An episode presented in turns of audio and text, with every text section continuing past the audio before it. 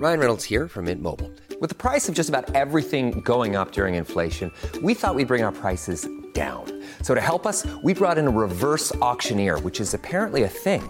Mint Mobile unlimited premium wireless. Ready to get 30, 30, bit to get 30, bit to get 20, 20, 20, bit to get 20, 20, bit to get 15, 15, 15, 15 just 15 bucks a month. So, Give it a try at mintmobile.com slash switch. $45 upfront for three months plus taxes and fees. Promo rate for new customers for limited time. Unlimited more than 40 gigabytes per month. Slows. Full terms at mintmobile.com. Quality sleep is essential for boosting energy, recovery, and well being. So, take your sleep to the next level with Sleep Number. With a Sleep Number smart bed, you can individualize your comfort level and enjoy a better sleep night after night. JD Power ranks Sleep Number number 1 in customer satisfaction with mattresses purchased in-store. And now the Queen Sleep Number C4 smart bed is only $1,599, a saving of $300 only for a limited time. For JD Power 2023 award information, visit jdpower.com/awards. Only at Sleep Number stores or sleepnumber.com.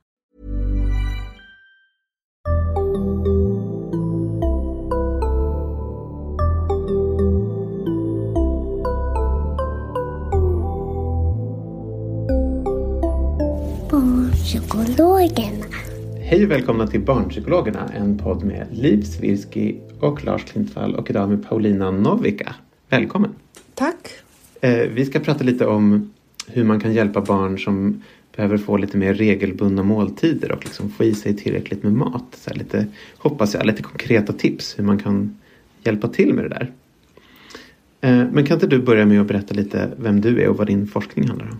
Eh, Jag är legitimerad dietist och har eh, jobbat med barn i två decennier. Eh, Jag har forskat på med barn, främst eh, i relation till övervikt och fetma, obesitas. Jag är eh, professor i kostvetenskap vid Uppsala universitet och docent, flera docent eh, i pediatrik eh, vid Karolinska institutet. Och jag är också familjeterapeut eh, så att ehm, jag är alltid intresserad av hur gör man det bäst i familjen. För det handlar väldigt mycket om det, tänker jag mig. Det här med ätande måste ju jättesnabbt börja handla om föräldrar och barn och samarbete kring det. Det stämmer och det kan leda till många konflikter eller som vissa föräldrar säger matkrig.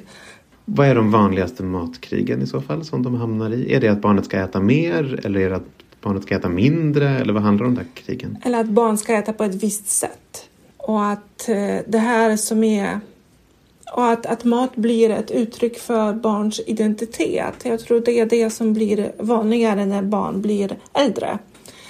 Men det, vikt, det vanligaste är som man får höra är att det inte är rättvist. Det är orättvist hos oss. Alltså de får göra så här men hos oss är det så här. Eh, så det är det här, hur får man till det i en familj där det finns flera barn och flera vuxna och alla vill göra det på sitt sätt. Men eftersom du har forskat på övervikt då, handlar det om att barn tycker det är orättvist att någon får äta glass på onsdagar och jag får inte göra det? Eller vad är det som blir orättvist? Jag tror inte det handlar bara om övervikt utan jag tror att eh, jag har fått höra det från en kollega som, som hon är nu ska jag inte outa någon, men hon, sa, hon är legitimerad dietist själv och hon fick höra att ingen äter så hälsosamt som vi gör. Och så började hon fundera, men är det verkligen så hälsosamt? Vi äter ju godis och glass och så. Men jag tror eh, Och det har vi sett i vår forskning att barn jämför, sig hela tiden med varandra. Och vad som visas på sociala medier och det är ju kanske inte det som är verkligheten. Men det är väldigt tidigt som barn börjar just jämföra sig med varandra. Eh, så barn vill både vara lite speciella, de vill inte vara som alla andra och sen så vill jag vara som alla andra. Ehm, så det är, och föräldrar får försöka få till en, en, en vardag. Men om det här specifika problemet då med om man tycker att ett, ett barn, jag tänk, antar att jag tänker mig en tonåring då, som liksom hoppar äta frukost eller kanske inte äter skollunchen för att de tycker att det är äckligt eller de inte har tid. Och att man tänker som vuxen att det där kan få konsekvenser för att det är svårt att orka en hel skoldag om man inte äter alla måltider. Är, är, är jag ute och cyklar? Eller Nej, är nej, där det, det här är ett problem? otroligt vanligt problem som föräldrar tar upp. Ehm, och det har ju att göra med uh, puberteten. att barn får ett annat dygnsrytm. De blir extra trötta på morgonen. De, de vill inte äta.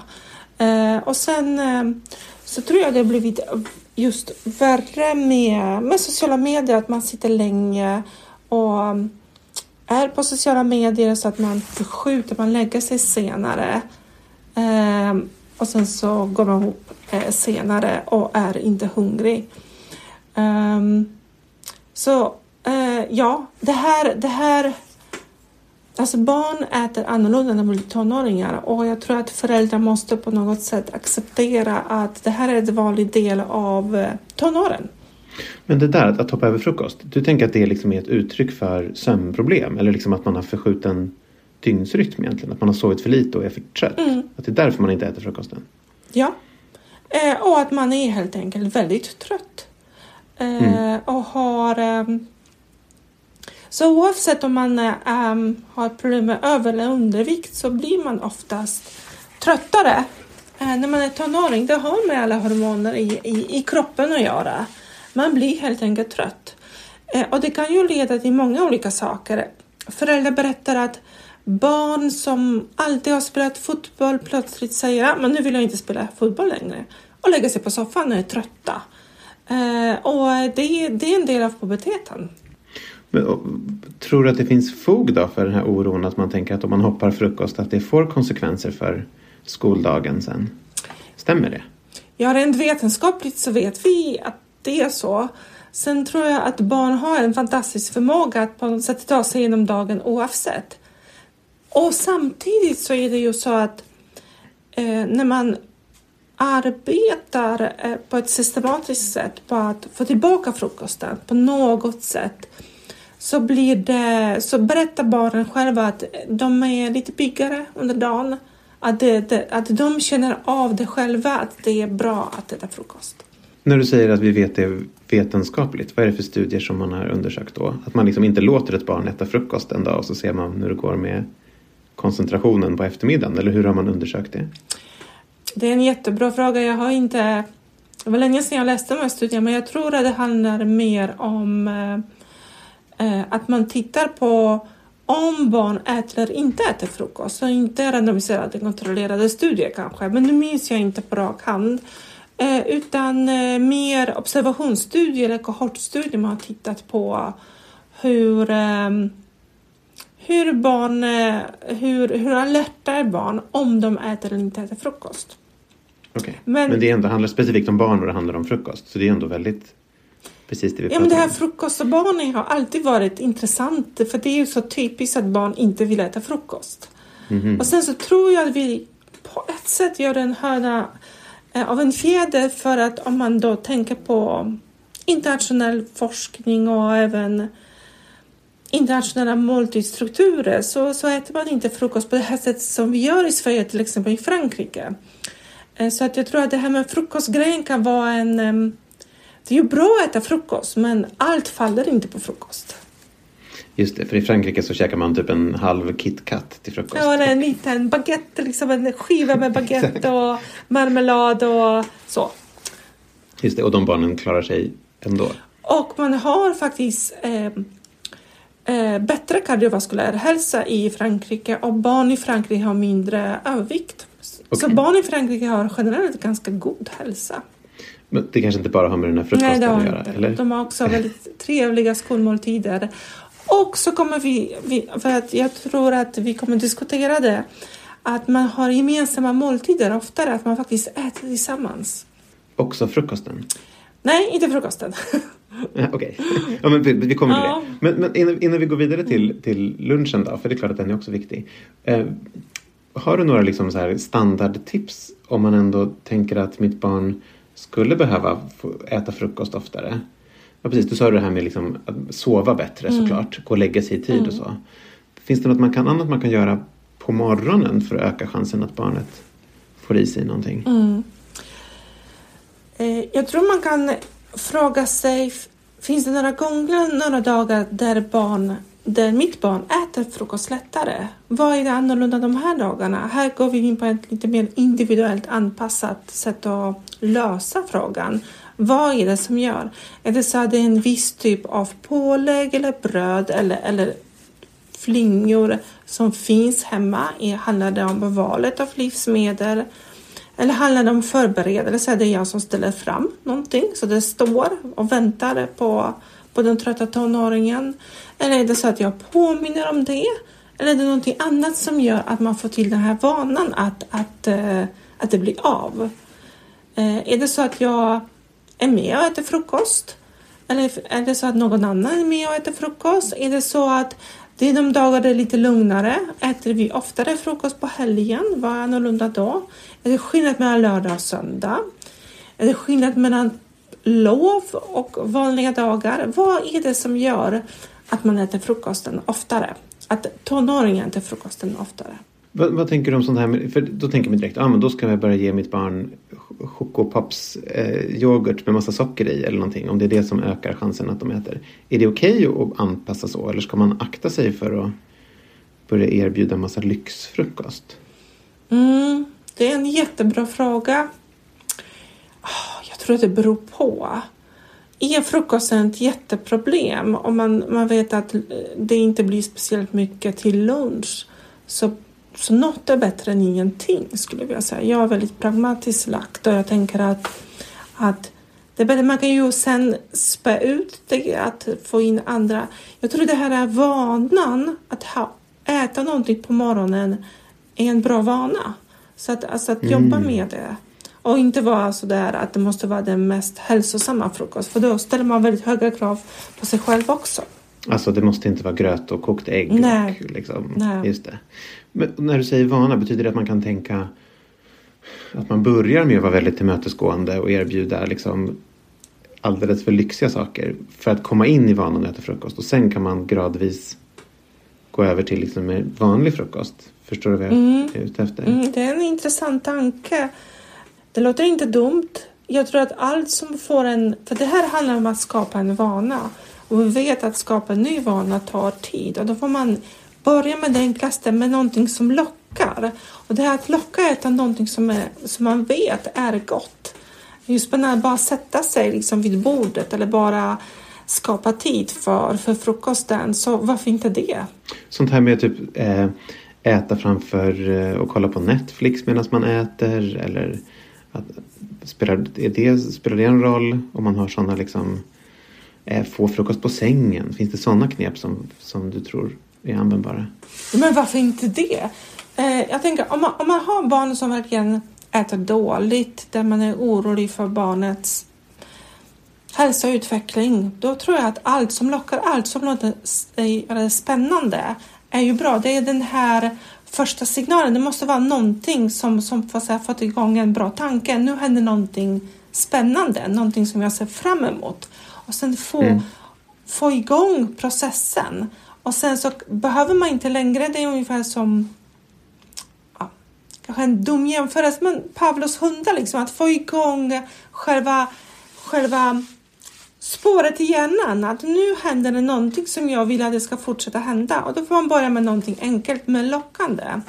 Så att med mindre barn jobbar vi väldigt mycket med små belöningar som man kan göra när man introducerar nya grönsaker. Att man eh, uppmärksammar det med ett klistermärke eh, och sen så har man en större belöning eh, när barnen har testat grönsaker några gånger.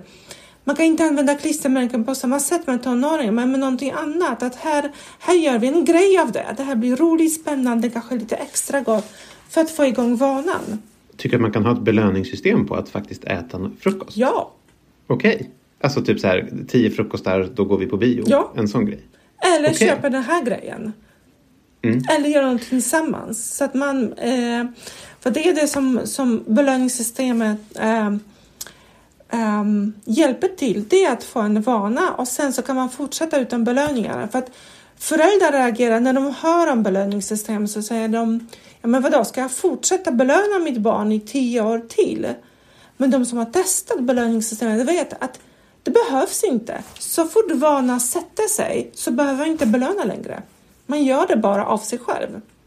Men du var också inne på det här med att äta gemensamma måltider. Kanske gör liksom att det är trevligt i sig självt med måltiden. Om, jag skulle vilja säga, om det är trevligt att äta tillsammans. Så här får man tänka på två saker. Dels att äta tillsammans och sen att göra det trevligt att göra det. För att vi har ju faktiskt forskat mycket om, om att äta tillsammans och sett att det är både, det är både trevligt och otrevligt. Alltså det finns vissa barn som, som känner sig extra uttittade, de barn som är sensoriskt känsliga, de tycker inte alls det är trevligt att äta tillsammans. Eller de barn som kanske får höra från sina föräldrar att man ska äta på ett visst sätt eller en viss mängd.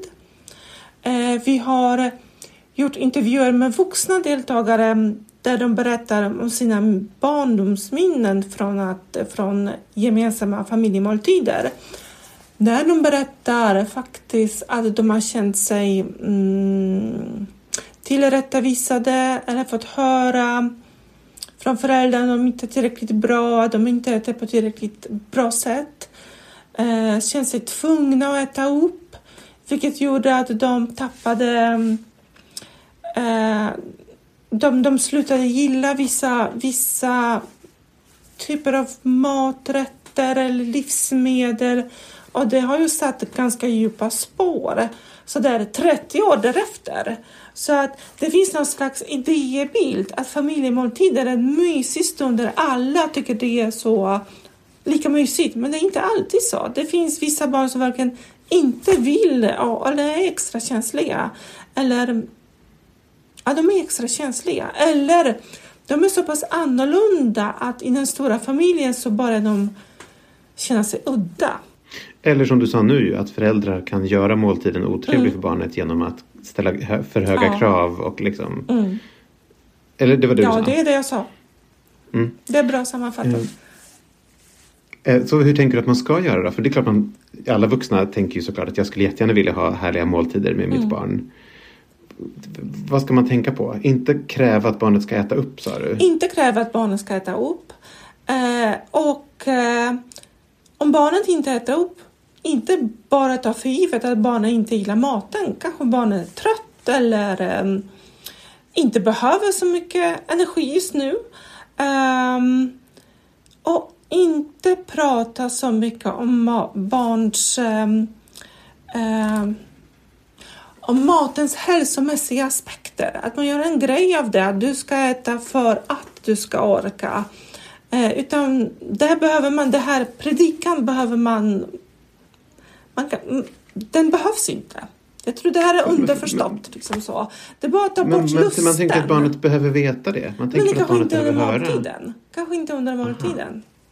Så inte prata att du, du måste äta så att du orkar ja, hela dagen. Så. Är det onödigt? Ja. Nu ska du ta en tugga till. Kom igen. Så.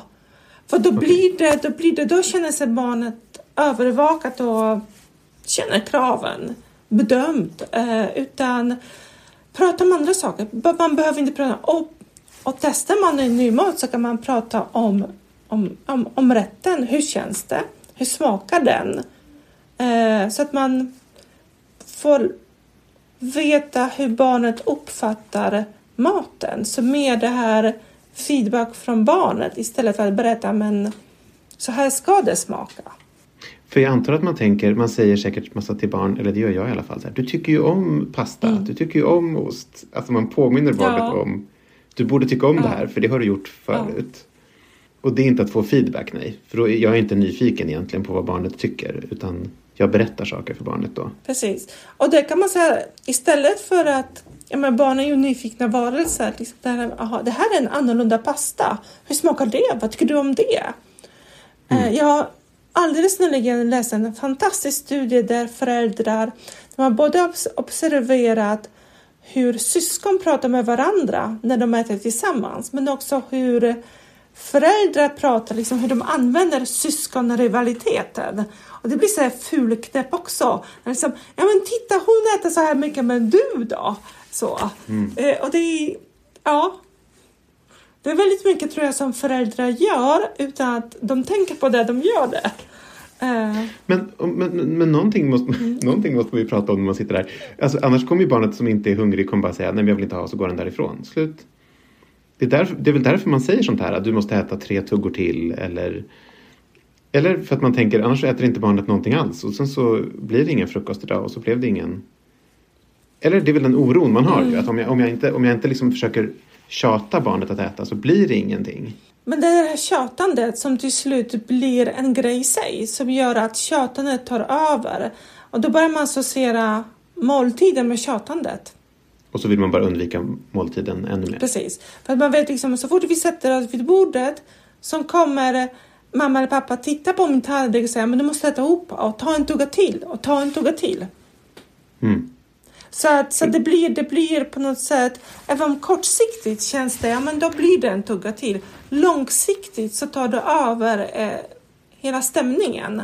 Och, och långsiktigt, Även om man långsiktigt lyckades tjata i barnet en tugga så kommer nästa gång kommer måltiden bli lite Precis, för då vet tråkigare, barn svårare. liksom, nu kommer jag sätta mig, nu kommer de tvinga mig en tugga till. Istället för att eh, göra det till en trevlig situation, att här sitter vi och pratar om någonting som är roligt. Eller att vi är bara med varandra, att vi har en mysig stund tillsammans utan att prata. Eh, att vi bara sitter och är med varandra. Ibland behöver Och man... maten finns och där, maten liksom. finns där.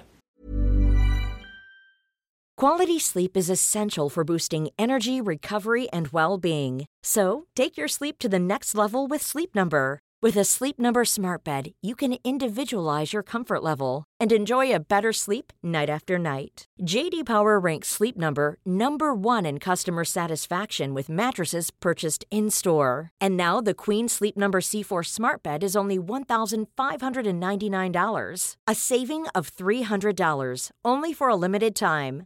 For JD Power 2023 award information, visit jdpower.com/awards. Only at Sleep Number stores or sleepnumber.com. Hey, I'm Ryan Reynolds. Recently, I asked Mint Mobile's legal team if big wireless companies are allowed to raise prices due to inflation. They said yes. And then when I asked if raising prices technically violates those onerous two year contracts, they said, What the f are you talking about, you insane Hollywood ass?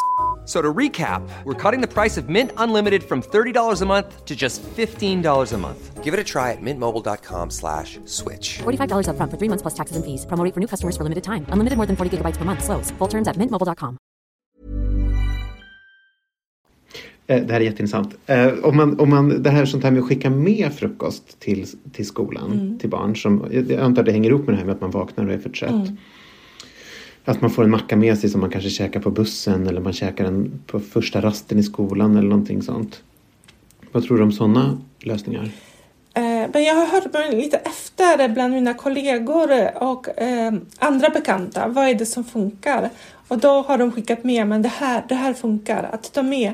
Jag minns från ehm, eh, ett antal ehm, patientsamtal att just, jag minns, nu var det ett tag sedan, men för 20 år sedan när eh, drickyoghurt kom på flaska. Då tyckte jag var... Sån jalla- precis, jalla ja. yoghurt. Då var det en, en, en, en jättebra idé att skicka med tonåringen jalla-yoghurt. Så man kan dricka på bussen. Bara att få i sig någonting. Så, Och den finns fortfarande Den kvar finns så den är fortfarande. en bra idé. så vad som helst som man kan få i sig på morgonen är bättre än ingenting. Eh, Om man går vidare till luncher i skolan då? För det har man ju mindre kontroll över som förälder. Och det är väl, tänker jag mig, att det är ännu vanligare att barn hoppar över lunchen. Eh, hur, vad, hur kan man hjälpa till då? Liksom, vad finns det för...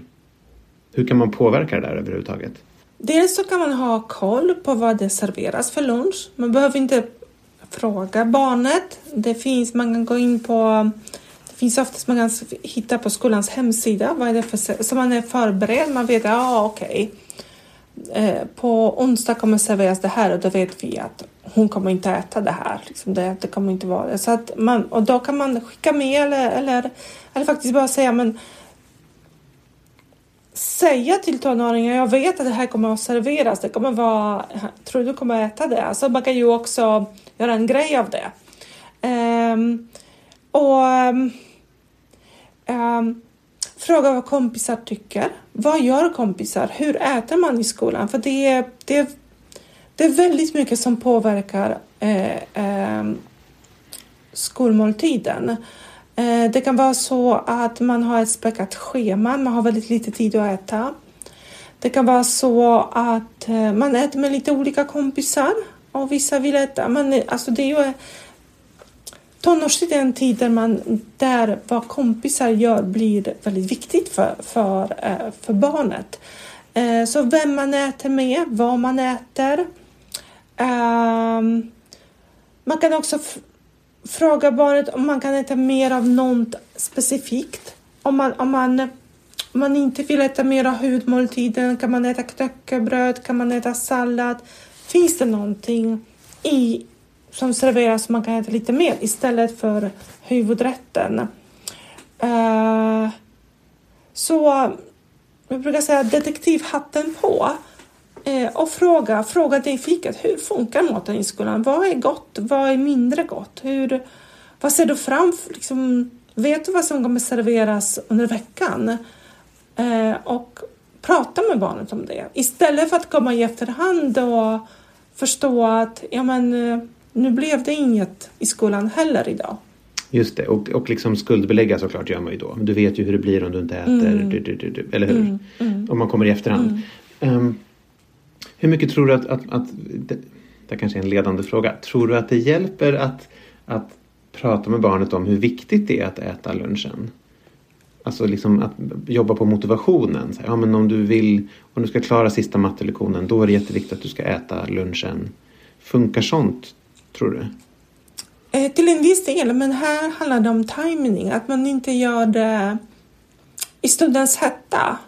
Att man säger till exempel märker att barnet är extra trött efter skolan eh, och då får, börjar man predika och säga men du ska tänka på det här.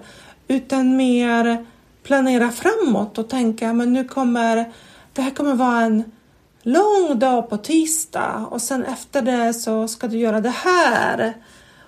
Eh, och då är det viktigt att kroppen får bränsle. Vad, vad tror du du kan göra för att du ska orka dig igenom dagen och tycka det är roligt att göra de här eftermiddagsaktiviteter? Eller, eller, eller hitta en bra stund och tänka, oh, jag har märkt att du är extra trött på torsdagar och det visst är det lång dag. Och sen börja involvera barnet i lösningar. Liksom, vad, kan vi, vad tror du du kan göra för att orka? Och, och de barn som har eh, träning eller utövar idrotter, att, att just att påminna om det, att, att kroppen behöver bränsle. Att du kommer kunna bli bättre på träningen om du tränar och där kan man ju påminna att alla idrottare måste äta bra inför tävlingar och viktiga träningar. Eh, även du. Så. Så förstår jag det rätt med att, att, även om man själv märker det på torsdag eftermiddag när barnet kommer hem och är supertrött. Då tänker man som förälder, oj oj, det här är för att han inte käkade någon mm. lunch. Det betyder inte att det är då man ska prata med barnet mm. om det. Utan man kan spara den tanken och ta upp det på söndagen inför nästa vecka. Eller något Exakt, sånt. och det är det som är så svårt. För så, så, bara, så förälder så vill man direkt komma med Såklart. en tillrättavisning. Utan det här får man spara eh, och vänta till ett bra tillfälle. Men sånt här med önskelunch och sånt där i skolan då? Mm. Att man liksom snackar med skolan och att man gör en deal med skolan där de ser till att det här barnet får en annan meny. Eller det har ju blivit, vad jag förstått, vanligare och vanligare. Mm. Och det här är ju ingenting som matbespisningspersonalen, skolbespisningspersonalen eh, längtar efter att det blir mer utav. Eh, eh, vi har haft några studentarbetare hos oss på institutionen som berättade att det här det skulle bli ohållbart. Det blir så många önskar. Så jag tror förr eller senare ska man behöva strama upp det. Så det är nog ingen mm. bra idé att, att börja tänka men om vi anpassar så här mycket. Men sen finns det ju extrema situationer man måste anpassa. Eh, när det gäller olika allergikoster. Så, så här får man tänka, är det, är det verkligen lösningen? För att det handlar också om lösningar som håller i, i längden. Hur kan man behöva anpassa kosten när barnet går på ehm, ja, alltså börjar jobba eller reser eller så. Hur, vad, vad är realistiskt? Handlar det snarare om att hitta sätt att öka matrepertoaren och träna barnet för liksom, det verkliga livet?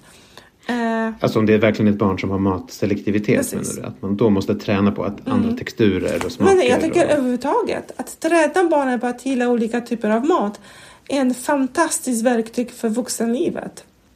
För man kommer befinna sig i situationer man inte kan välja. Då får man äta lite mer med hjärnan, liksom att nu behöver jag den maten och det är den som... Nu behöver jag äta och här, det här finns det. Jag kommer inte gilla det, men jag kommer kunna svälja och det kommer vara okej. Okay. Det här är, förlåt, det här är ett stickspår, men jag är så otroligt nyfiken på det här. Dels för att jag själv var väldigt mm. matselektiv och är fortfarande ganska matselektiv. Så jag tänker att jag kommer ha ett barn som också är det. Mm. Funkar sånt där med att liksom um, göra varannan tugga ny mat och varannan tugga någonting som barnet gillar? Alltså sådana tekniker för att få barn att smaka nya grejer. Eller bara att barnet ska acceptera att ny mat finns på tallriken och sånt där. Mm. Gör mm. det att de blir mindre mm. matselektiva senare? Och på det finns det randomiserade kontrollerade studier. Så det här funkar. Det här funkar verkligen. Och det som är det häftiga, att det funkar inte bara tillfälligt utan det funkar längre. Det finns en brittisk studie man har följt upp barnen också tittat på om det här att man premierar en viss mat, men liksom att man lägger ihop två, en mat som, är, som, som man känner igen och en mat som man inte, eh, typ av mat som man inte känner igen om det funkar, om det inte förminskar gillandet av, av, av den andra maten. Det gör inte det, för det, handlar, det, här, det här är det som är det häftiga. Att ju mer vi smakar på en viss mat, desto mer börjar vi gilla det. Ungefär, det finns någonting, nu minns jag inte det fina psykologiska termen, men det som vi känner igen, det gillar vi. Eh, det är därför nu, nu blir det jätteparallellt till någonting kanske väldigt konstigt. Men det är därför vissa politiker som Trump är så, eh, jag skulle inte säga gillade, men populära.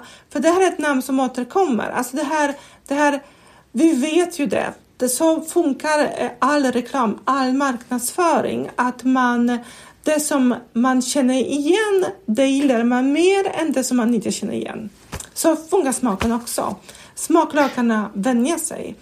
Det som är det svåra är att för vissa typer av smak så räcker det inte med att man ska testa och svälja, tugga och svälja 8, 10 gånger, 12 gånger. Man har det Magic Five eller så. Här pratar vi 30, 30, 40, 50 gånger innan man börjar gilla det. Men det, bara det är ju intressant mm. att det är någonstans mellan 5 och 50. Det är inte 500 nej, nej, gånger man nej. måste pröva det. Men kanske 50. För 50 är ju ändå en gång i veckan i ett mm. år. Det är ju mm. helt genomförbart. Mm. Och då är det ändå måltid, saker som man inte gillar. För det här är verkligen ett stickspår, mm. förlåt, men det är så intressant. Mm. Finns det något fön, åldersfönster när det där är viktigt att försöka få, få in? Eller gäller det resten av livet? Jag skulle vilja säga att det gäller det resten. Det bästa, men det bästa fönstret är fyraårsåldern. Eh, men det gäller verkligen resten av livet. För det, det finns ju fascinerande studier där par från olika kulturer eh, börjar ihop, bo ihop och då märker man att det, det tar ju lite tid när man finner varandra när det gäller matkultur men till slut så, så gör man ju det.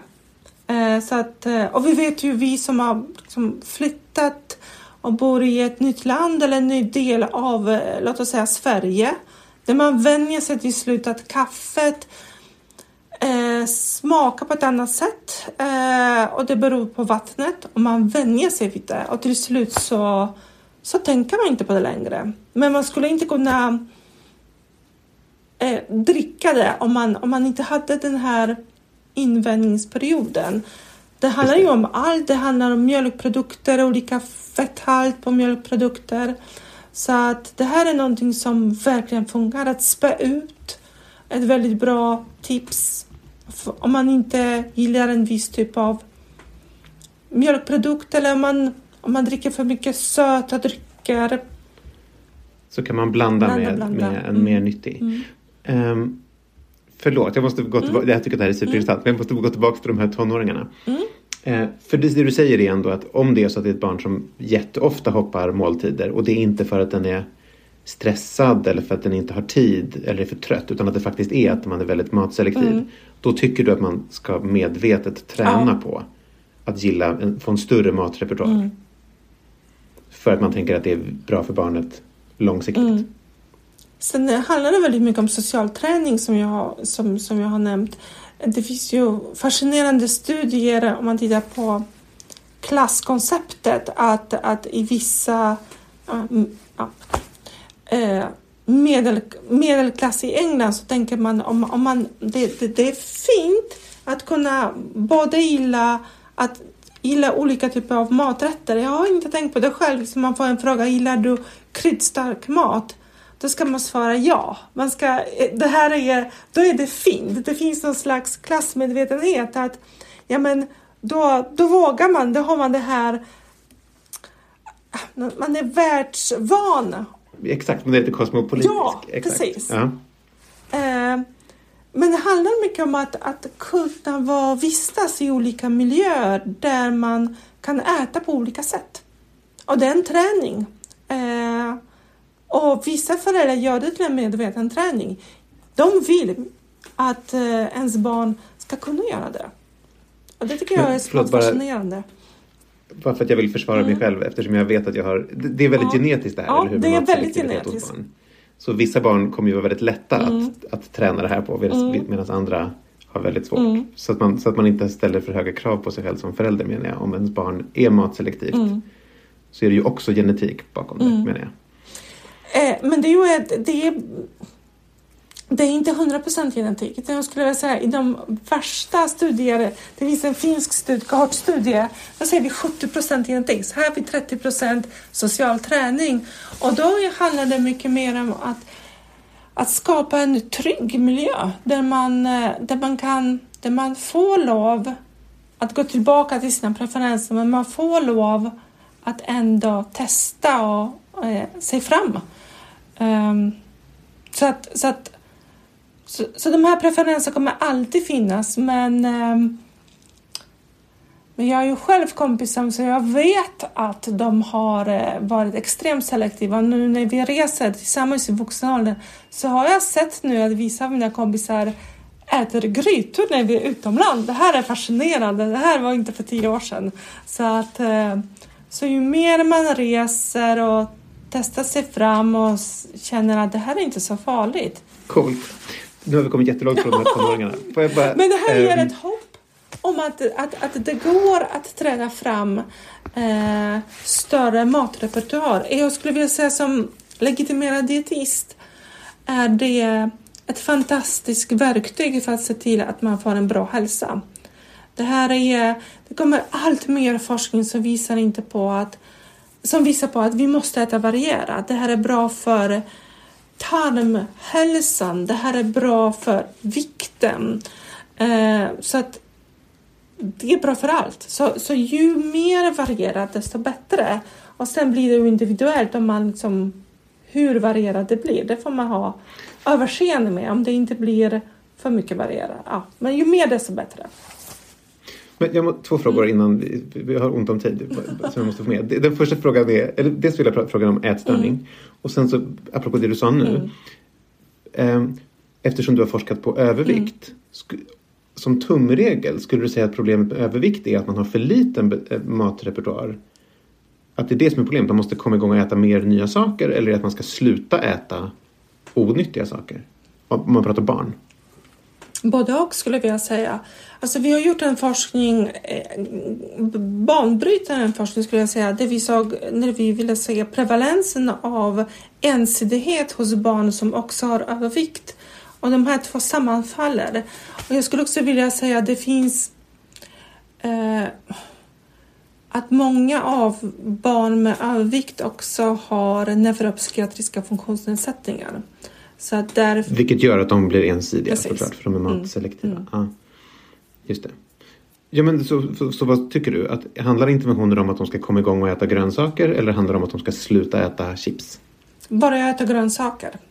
Eh, ja, jag, tänker på ett citat från en studie som en förälder sa att det är så härligt att vi, för det var en föräldragrupp och hon sa så här, det är så härligt att vi eh, att jag får träffa andra föräldrar som har barn med samma, samma mm, utmaning att eh, att vi har matglada barn som gillar olika typer av mat men inte barn som bara äter chips och, läsk, och dricker läsk. Eh, min andra fråga då, det här med ätstörning. För att om man har ett barn som hoppar måltider. kanske hoppar middagar också hemma. Då ska det väl rimligtvis ringa någon sorts varningsklocka att det här är ett barn som medvetet hoppar måltider för att den är orolig för att gå upp i vikt eller försöker gå ner i vikt. Mm. Hur vet man vad som är vad där? Vågar du svara någonting på det? Liksom, vad ska man vara, när ska man söka hjälp för det? Att man tänker att det här är ett barn som försöker påverka sin vikt genom att inte äta. Om man har ett barn som har ätit ganska normalt och varit obekymrat av vad man äter och inte funderar speciellt mycket på um, sin kropp, hur man ser ut Eh, och inte vara bekymrad av smalhetsidealet. Och börja, när man äter tillsammans, börja utesluta medvetet, börja först utesluta kolhydrater och sen så blir det vegetar eh, ja, sen blir barnet vegetarian och sen kanske funderar barnet på att bli- att barnet börjar äta på ett annat sätt och blir frustrerat eller irriterat om man påpekar. Men oj nu har du inte ätit upp det, har det inte varit gott? Och barnet reagerar med frustration eller ilska ehm, eller ångest när måltiden blir en ångestfylld ehm, stund eh, när man börjar känna att det är någonting där som inte stämmer. Eh, när barnet börjar äta i smyg eller vill äta själv på rummet. Det är då man måste söka hjälp. Och vad gör man då? Då ringer man en vårdcentral? Eller vad, hur? Eller prata med elevhälsan. Så det handlar inte så mycket om vikten i sig utan det handlar om eh, jag tänker professor Tagaderi brukar prata om den här idealiseringen av smalhetsidealen.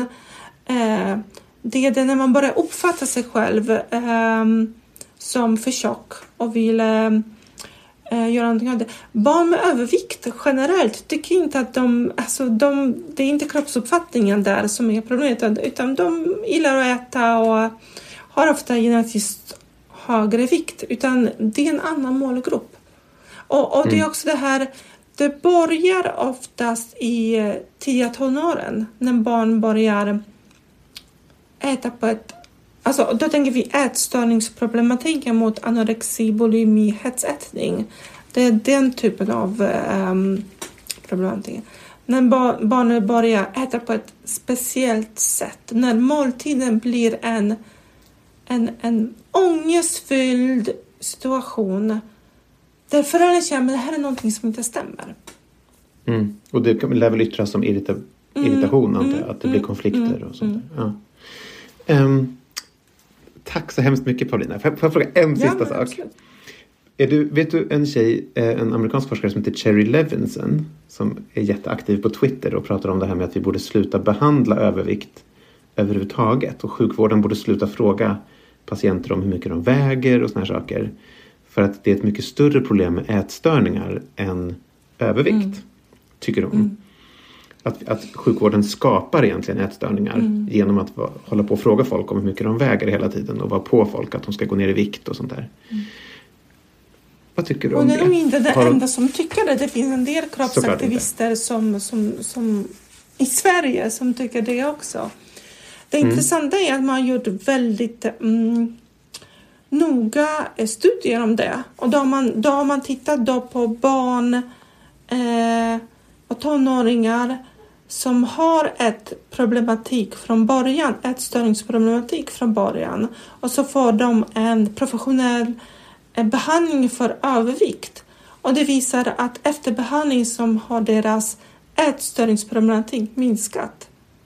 Det visar att behandling av obesitas förebygger ätstörningar.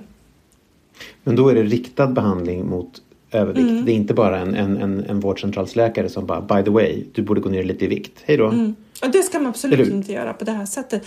Men jag skulle Aha. vilja säga så här att ehm, i, ehm, i sociala medier så kommer, så, så kommer de här extrema exempel upp.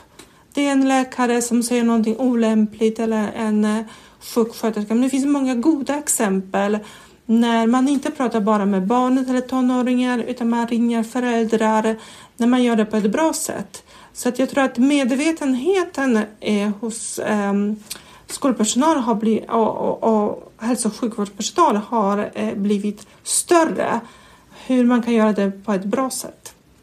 Mm. Okej, okay. men du tycker inte att det är en generell regel att man inte ska prata om övervikt eller behandla övervikt?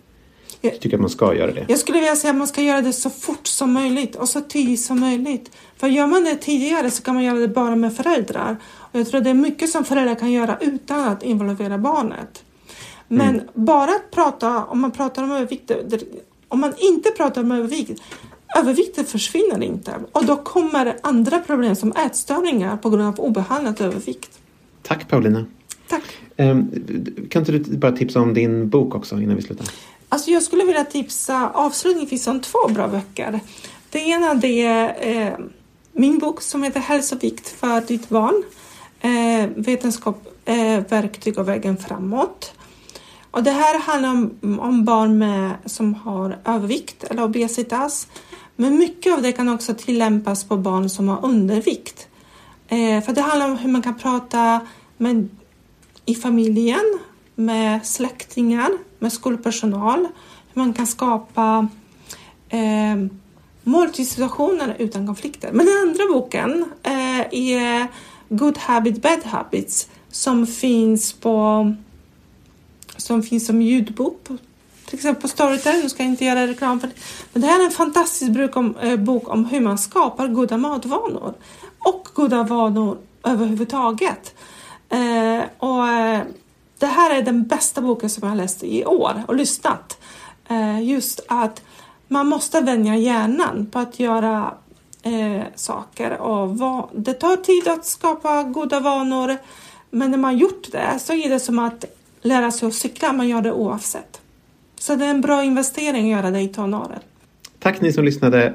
Eh, jag länkar de här böckerna som Paulina tipsade om och Barnpsykologerna finns på Facebook och på Instagram. Hej då!